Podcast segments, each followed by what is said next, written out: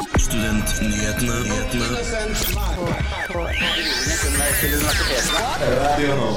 Studenter på Oslo OsloMet er skuffet over at skolen fjerner fag. I tillegg hevder de at skolen ikke respekterer deres rettigheter. Vi har snakket med tillitsvalgte Grunde Maier. Sliter du med å komme deg inn i arbeidslivet? Vi har samla noen tips som kan hjelpe deg. Og du skal også få høre hvordan Høgskolen Kristiania hjelper studentbedrifter. Og sliter du med FOMO? Da kan kanskje den nye trenden Jomo hjelpe deg. Hjertelig velkommen skal du være til Studentnyhetene denne ja, litt grå fredagen. Ja, Vi kan ikke love deg sol den neste timen, men vi har flere spennende saker for deg i dag. I studio i dag så sitter Inga Løkka Feiring og Hanne Drange. Og du får selvfølgelig værmeldingen for helgen etter hvert, men aller først så skal du få tid for ukens nyhetsoppdatering.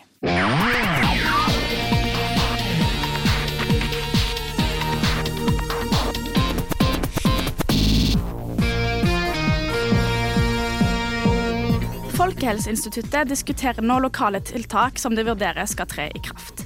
Line Wold, avdelingsdirektør i FHI, nevner tre tiltak.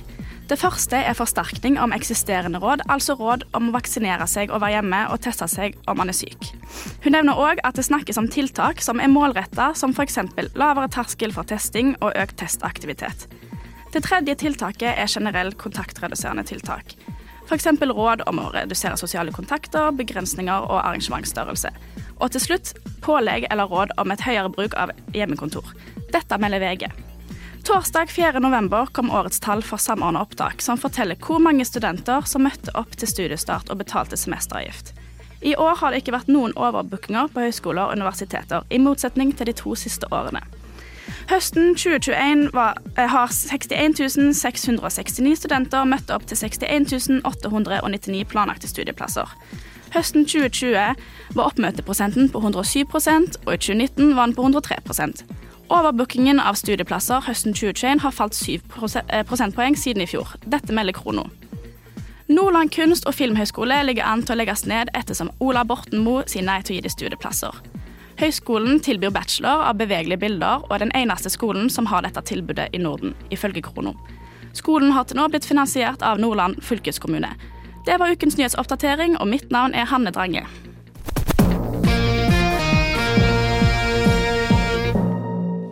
Oslo OsloMet har fjernet den, det populære faget profesjonalisering i praksis for medie- og kommunikasjonsstudentene denne høsten. Men hva synes studentene om at faget nå har blitt fjernet? Akkurat nå er jeg på vei til Oslo Met for å snakke med en som heter Grunde. Jeg har nemlig hørt rykter om et fag som har blitt fjernet. Slik jeg har forstått, så er dette et ganske populært valgfag på femte semester, som inneholder praksis i kommunikasjonsbransjen. Jeg syns jo det høres ut som et ganske bra fag, så jeg lurer jo på hvorfor det ble fjernet. I det svaret jeg fikk fra ledelsen, så syns jeg de regelrett, for å si det på godt norsk, eh, pisser på oss. Jeg skal som sagt eh, snakke med Grunde Myhrer, som er tillitsvalgt for Kull 19 på medier og kommunikasjon. Kan du fortelle meg litt om hva emnet dreier seg om? Faget er jo rett og slett eh, profesjonalisering i praksis. Og det går ut på at det er et fag som inneholder praksis, det er én ting. Og så tar det sikte på kommunikasjon i offentlig og privat sektor. Og hva er det egentlig som har skjedd her? Det som har skjedd nå, er at vi har endt opp med da egentlig to valgfag kontra tre. Mange syns at de to andre valgfagene er et eh, dårlig alternativ. Jeg syns det er ganske spesielt at vi går på et emne her som heter medier og kommunikasjon. Og typ det eneste faget som er direkte rettet mot kommunikasjon, blir nå fjernet. Der er jo skolen også vært veldig flinke til å bruke at det står valgfag. Selv om det heter et valgfag, så er det likevel slik at valgfaget i seg selv er obligatorisk. Jeg lurer også på når det ble informert om at faget skulle fjernes. Vi ble informert 23. Eh, i år om at eh, det var en mulighet for at det faget kanskje ikke ville komme på planen til høsten. Og vi fikk endelig beskjed 14. april, altså dagen før samordna opptak. Eh, og i tillegg så er det slik at hvis man skal søke eksternt, så må likevel også det faget da godkjennes. Sånn at det satt jo oss i en ganske vanskelig situasjon. Jeg syns jo egentlig at det høres litt rart ut at et fag bare fjernes sånn uten videre. Derfor spurte jeg Grunde om hva skolen ga som begrunnelse til at faget ikke kunne gå denne høsten. Og det er jo det som er veldig spesielt oppi det hele her, er jo at eh, grunnen er fordi at eh, faglærer skulle gå av med pensjon. Og det jeg da har fått vite i etterkant, er at eh, fra fjorårsstudentene så visste de allerede i fjor høst at han skulle gå av med pensjon. Men ifølge ledelsen så kom dette her brått på.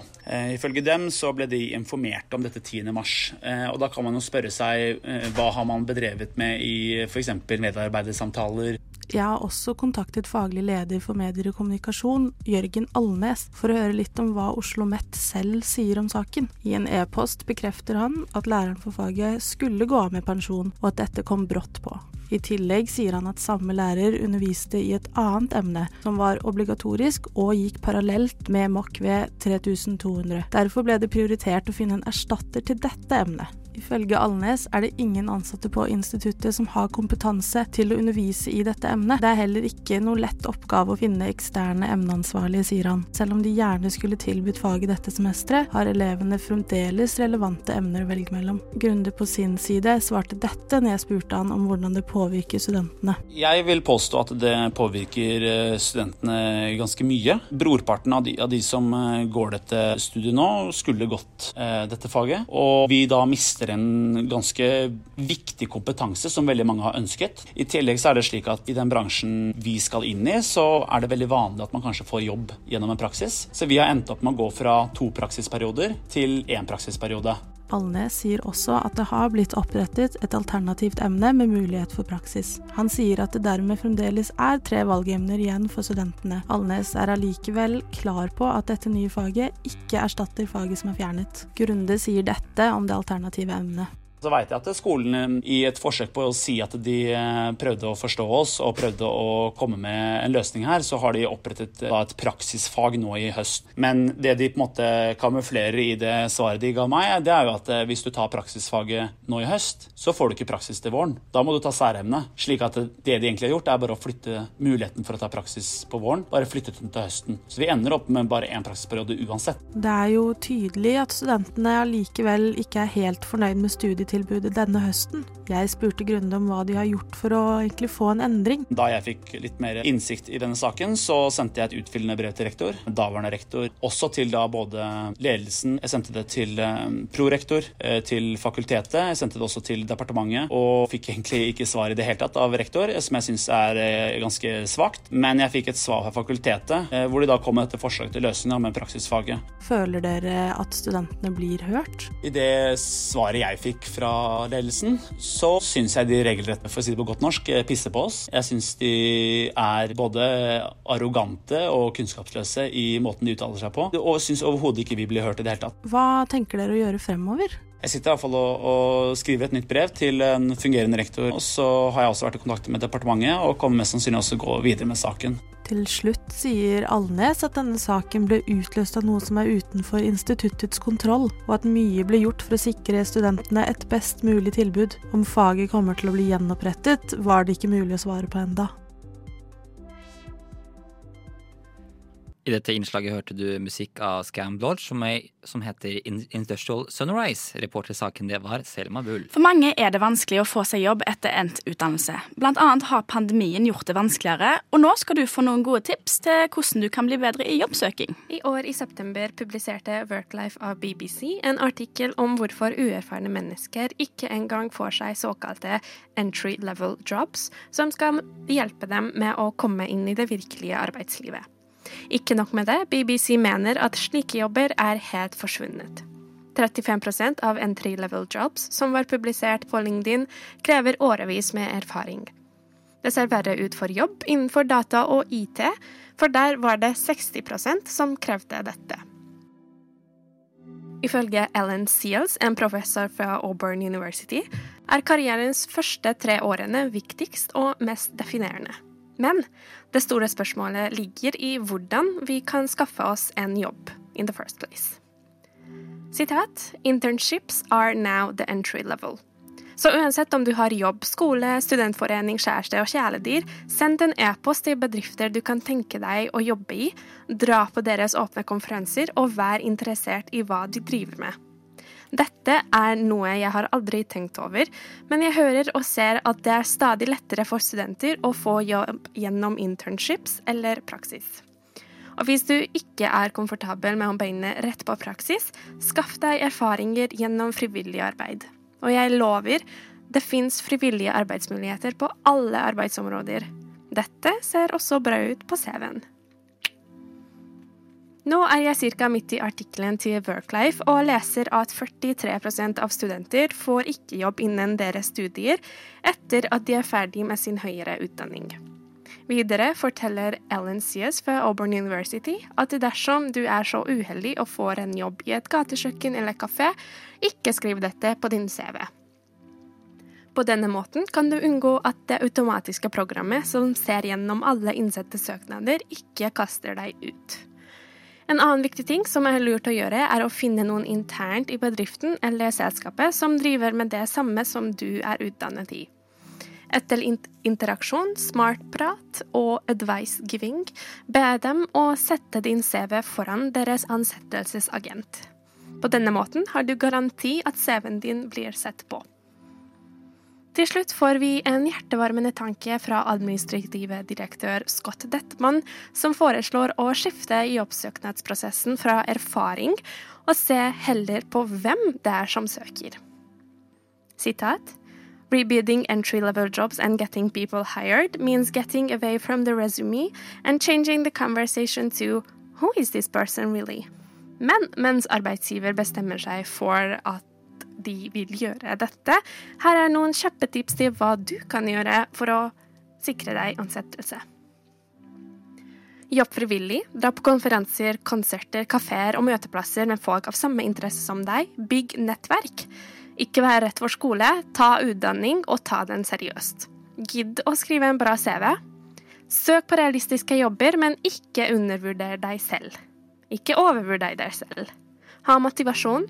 Og til slutt finn.no.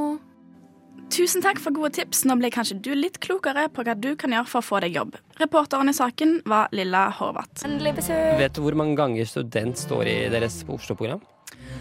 Det har jeg nok eh, ikke talt opp, eh, men jeg antar at dere har. Vi er nyhetsprogrammet av og med studenter. God studentpolitikk er god eh, fremtidspolitikk.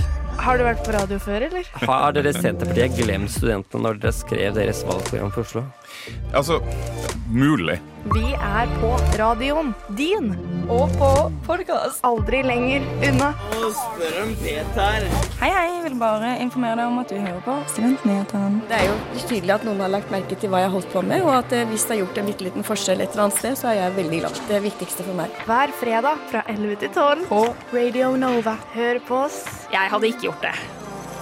Men uh, nå skal vi ikke snakke om musikk, vi skal snakke om noe helt annet. For du har kanskje hørt om FOMO-ene? Ja, FOMO har jeg hørt om. Jeg er sikkert den personen i verden som uh, har mest FOMO, egentlig. Det er jo noe mange føler at uh, de går glipp av ting, og så bruker de mye tid på sosiale medier for, eksempel, for å få med seg alt som skjer.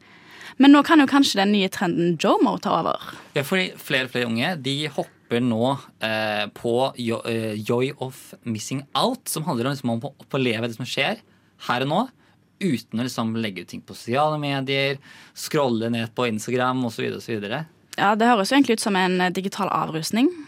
Ja, for jeg har liksom tenkt på det, fordi jeg ofte, sånn eller ikke ofte da, men av og til ser jeg liksom film, film med venner, f.eks. Og de skal alltid liksom, istedenfor å følge med på filmen og følge på en måte sånn, okay, det som skjer her og nå, så er de på Instagram og sjekker ok, har det kommet noen nye bilder fra den og den personen, mm. og følger med. Ja, det blir litt fort sånn. sånn jeg eh, skal jo si sjøl, hvis jeg ser film med venner, så blir det fort at du sitter på Snapchat eller Facebook eller Instagram eller hva det skulle vært. Men eh, jeg må bli litt flinkere til å legge vekk mobilen, så jeg må det. Er du en sånn person som måte, skal dokumentere alt som skjer, eller er du mer sånn lever her og nå? Eh, både og. Sånn jeg syns det er veldig gøy å liksom ta bilder for å se tilbake på sånn For eksempel på Snapchat så har du sånn Du får opp for ett år siden minner for et år siden, da, hvis du har lagra noen bilder, f.eks. Eh, men det er ikke alltid jeg gjør det. Det kommer veldig an på hva som skjer, men det er jo gøy å dokumentere, liksom, vise fram hva du gjør og sånne ting. Hva med deg, Ingar? Vet du, jeg er, altså jeg er også veldig glad i å ta bilder, men jeg, jeg tar, ofte så tar jeg litt for få bilder, føler jeg. Mm. Det, er sånn, det er vanskelig å eller sånn, bli flink til det. Men jeg føler det som er kanskje viktig, er å, at man ikke alltid kan gjerne ta bilder, men kanskje ikke alltid legge det på sosiale medier hele tiden hva Nei. gjør. For det er bare sånn, Jeg kjenner folk som på en måte nærmest når de, de spiser lunsj, tar bilde av det. De spiser, de går på tur. altså sånn, Hver eneste ting de gjør hele dagen, da, blir dokumentert.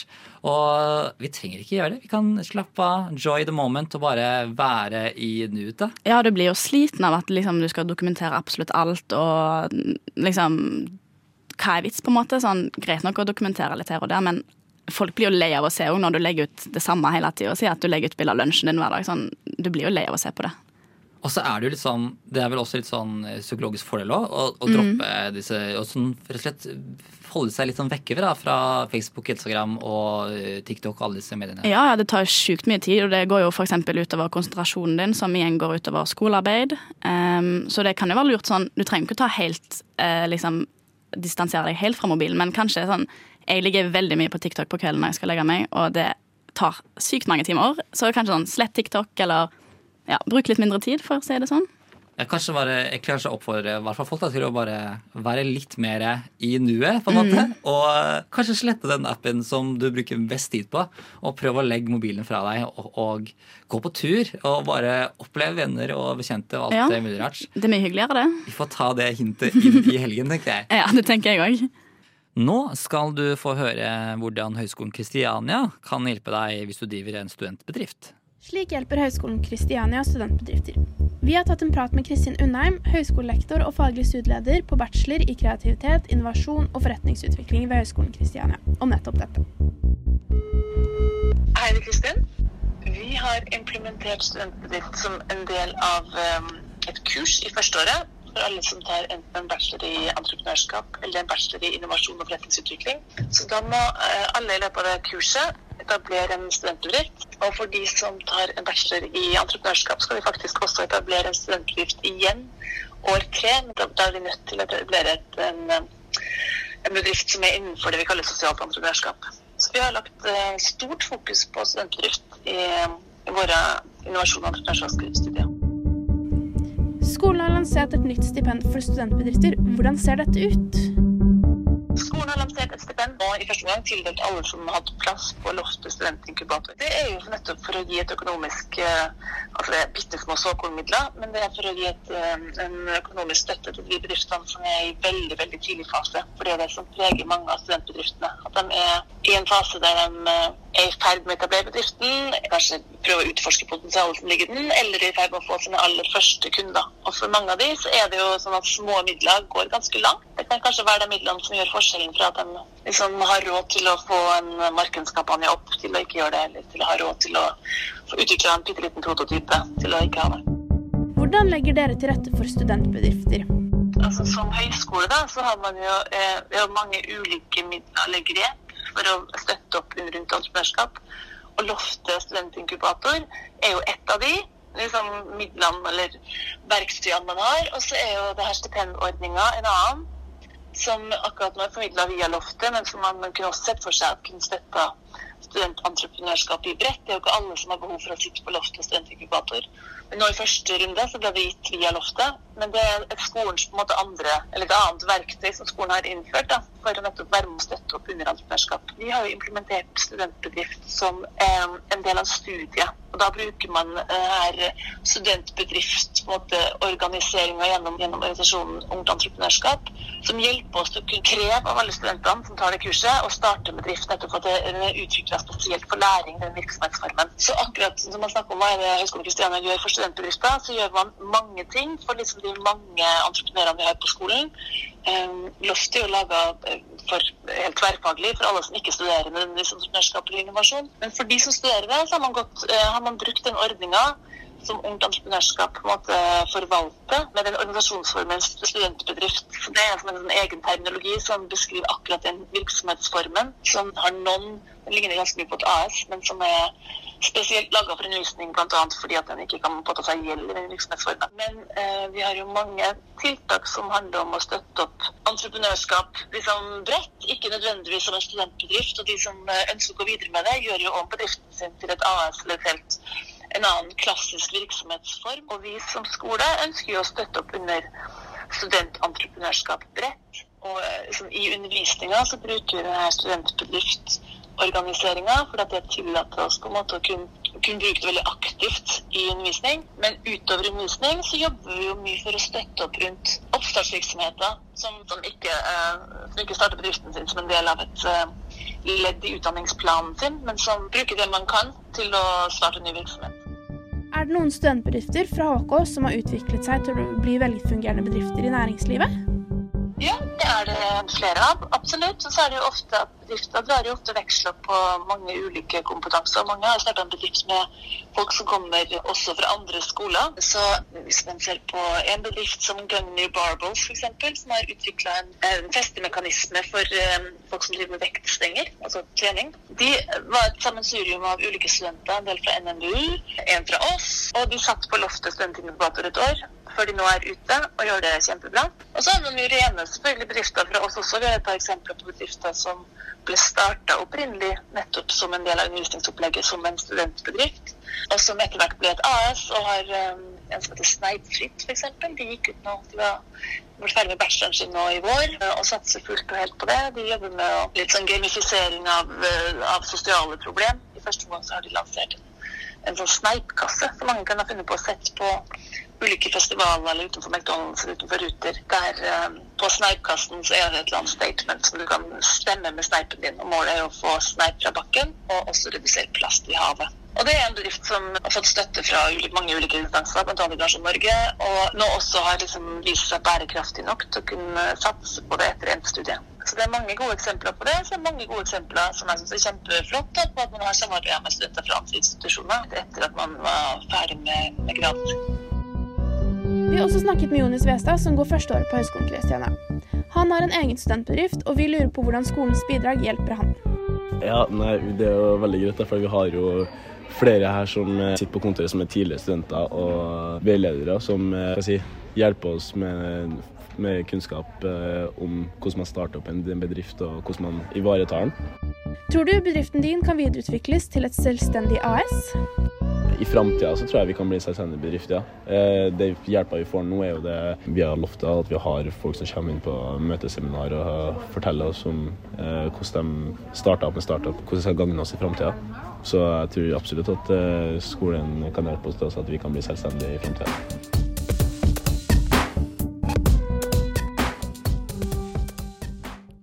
Tusen takk til for intervjuet med Kristin Udheim og Jonis Westad. Reporter i saken det var Ingrid Birkmann og Vilma Bergseth. What? Radio nå.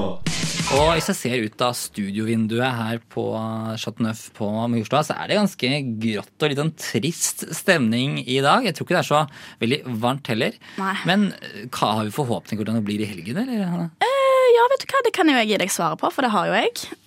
Ja, For du har jo selvfølgelig helgens værmelding. Det har jeg. Været i Oslo denne helga skal inneholde både sol og regn. I dag, fredag 5. november, er det meldt overskyet og en temperatur på mellom 3 og 6 grader med lite vind. Lørdag derimot er det meldt full sol fram til klokka 12 før det skal bli litt overskyet utover dagen. Temperaturen skal ligge på mellom 2 til 8 grader, og du kan forvente deg en svak vind. På søndag kommer surværet, og da er det bare å finne fram paraplyen. Og det er meldt regn gjennom hele dagen. Temperaturen vil ligge på mellom 4 og 7 grader med svak vind. Værmeldingen er henta fra yr.no.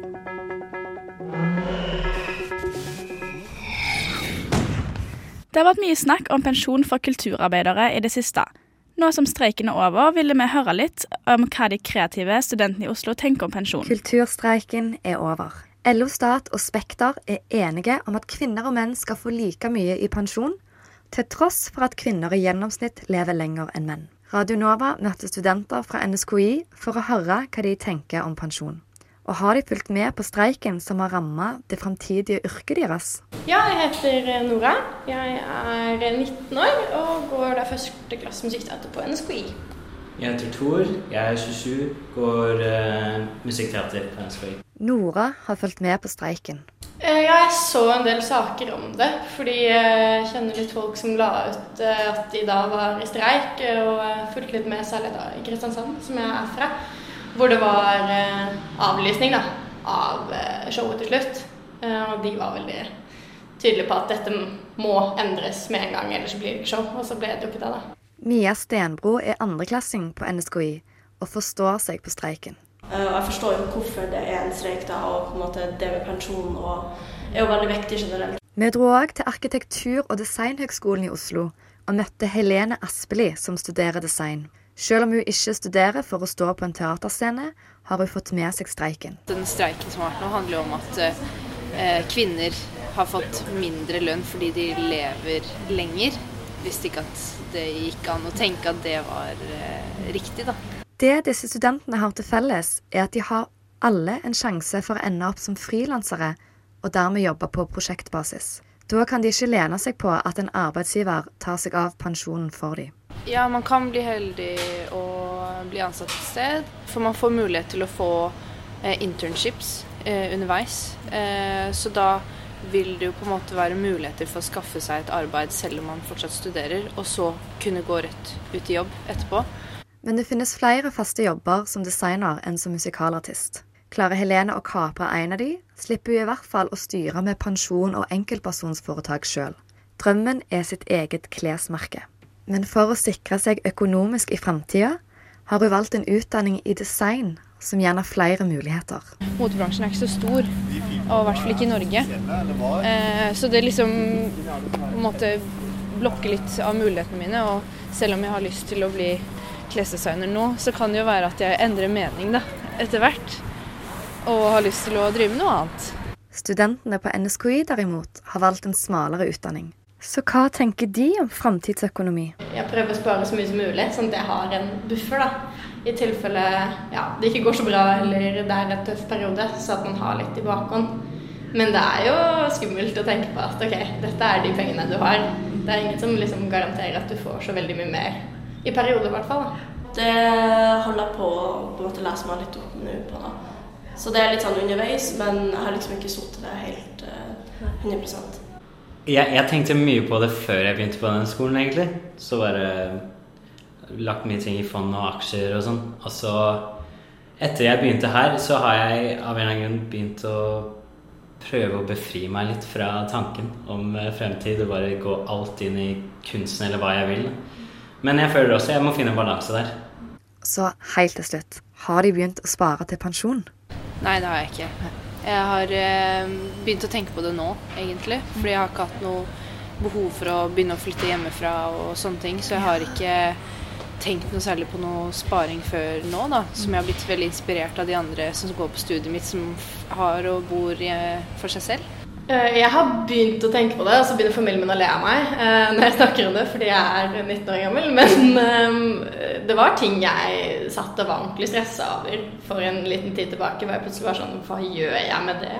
Eh, men det er jo en veldig fjern tanke, egentlig. Men så er det jo på en måte ikke så lenge til heller. Takk til studenter fra NSKI og Arkitektur- og designhøgskolen som ville dele sine tanker om pensjon. Reporter i saken var Tone Ollestad. God studentpolitikk er god eh, fremtidspolitikk. Studentnyhetene. Vi er nyhetsprogrammet av og med studenter. Så Vi nærmer oss slutten på Studentene i dag, og det betyr at eh, det straks er helg.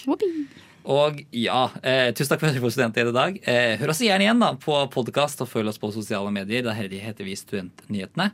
Etter oss straks her på kanalen så blir det jo selvfølgelig Radiotjenesten.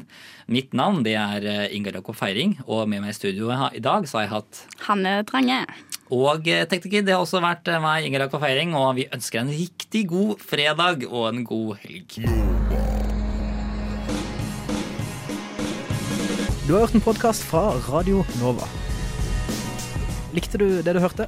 Du finner flere podkaster i iTunes og på våre hjemmesider radionova.no.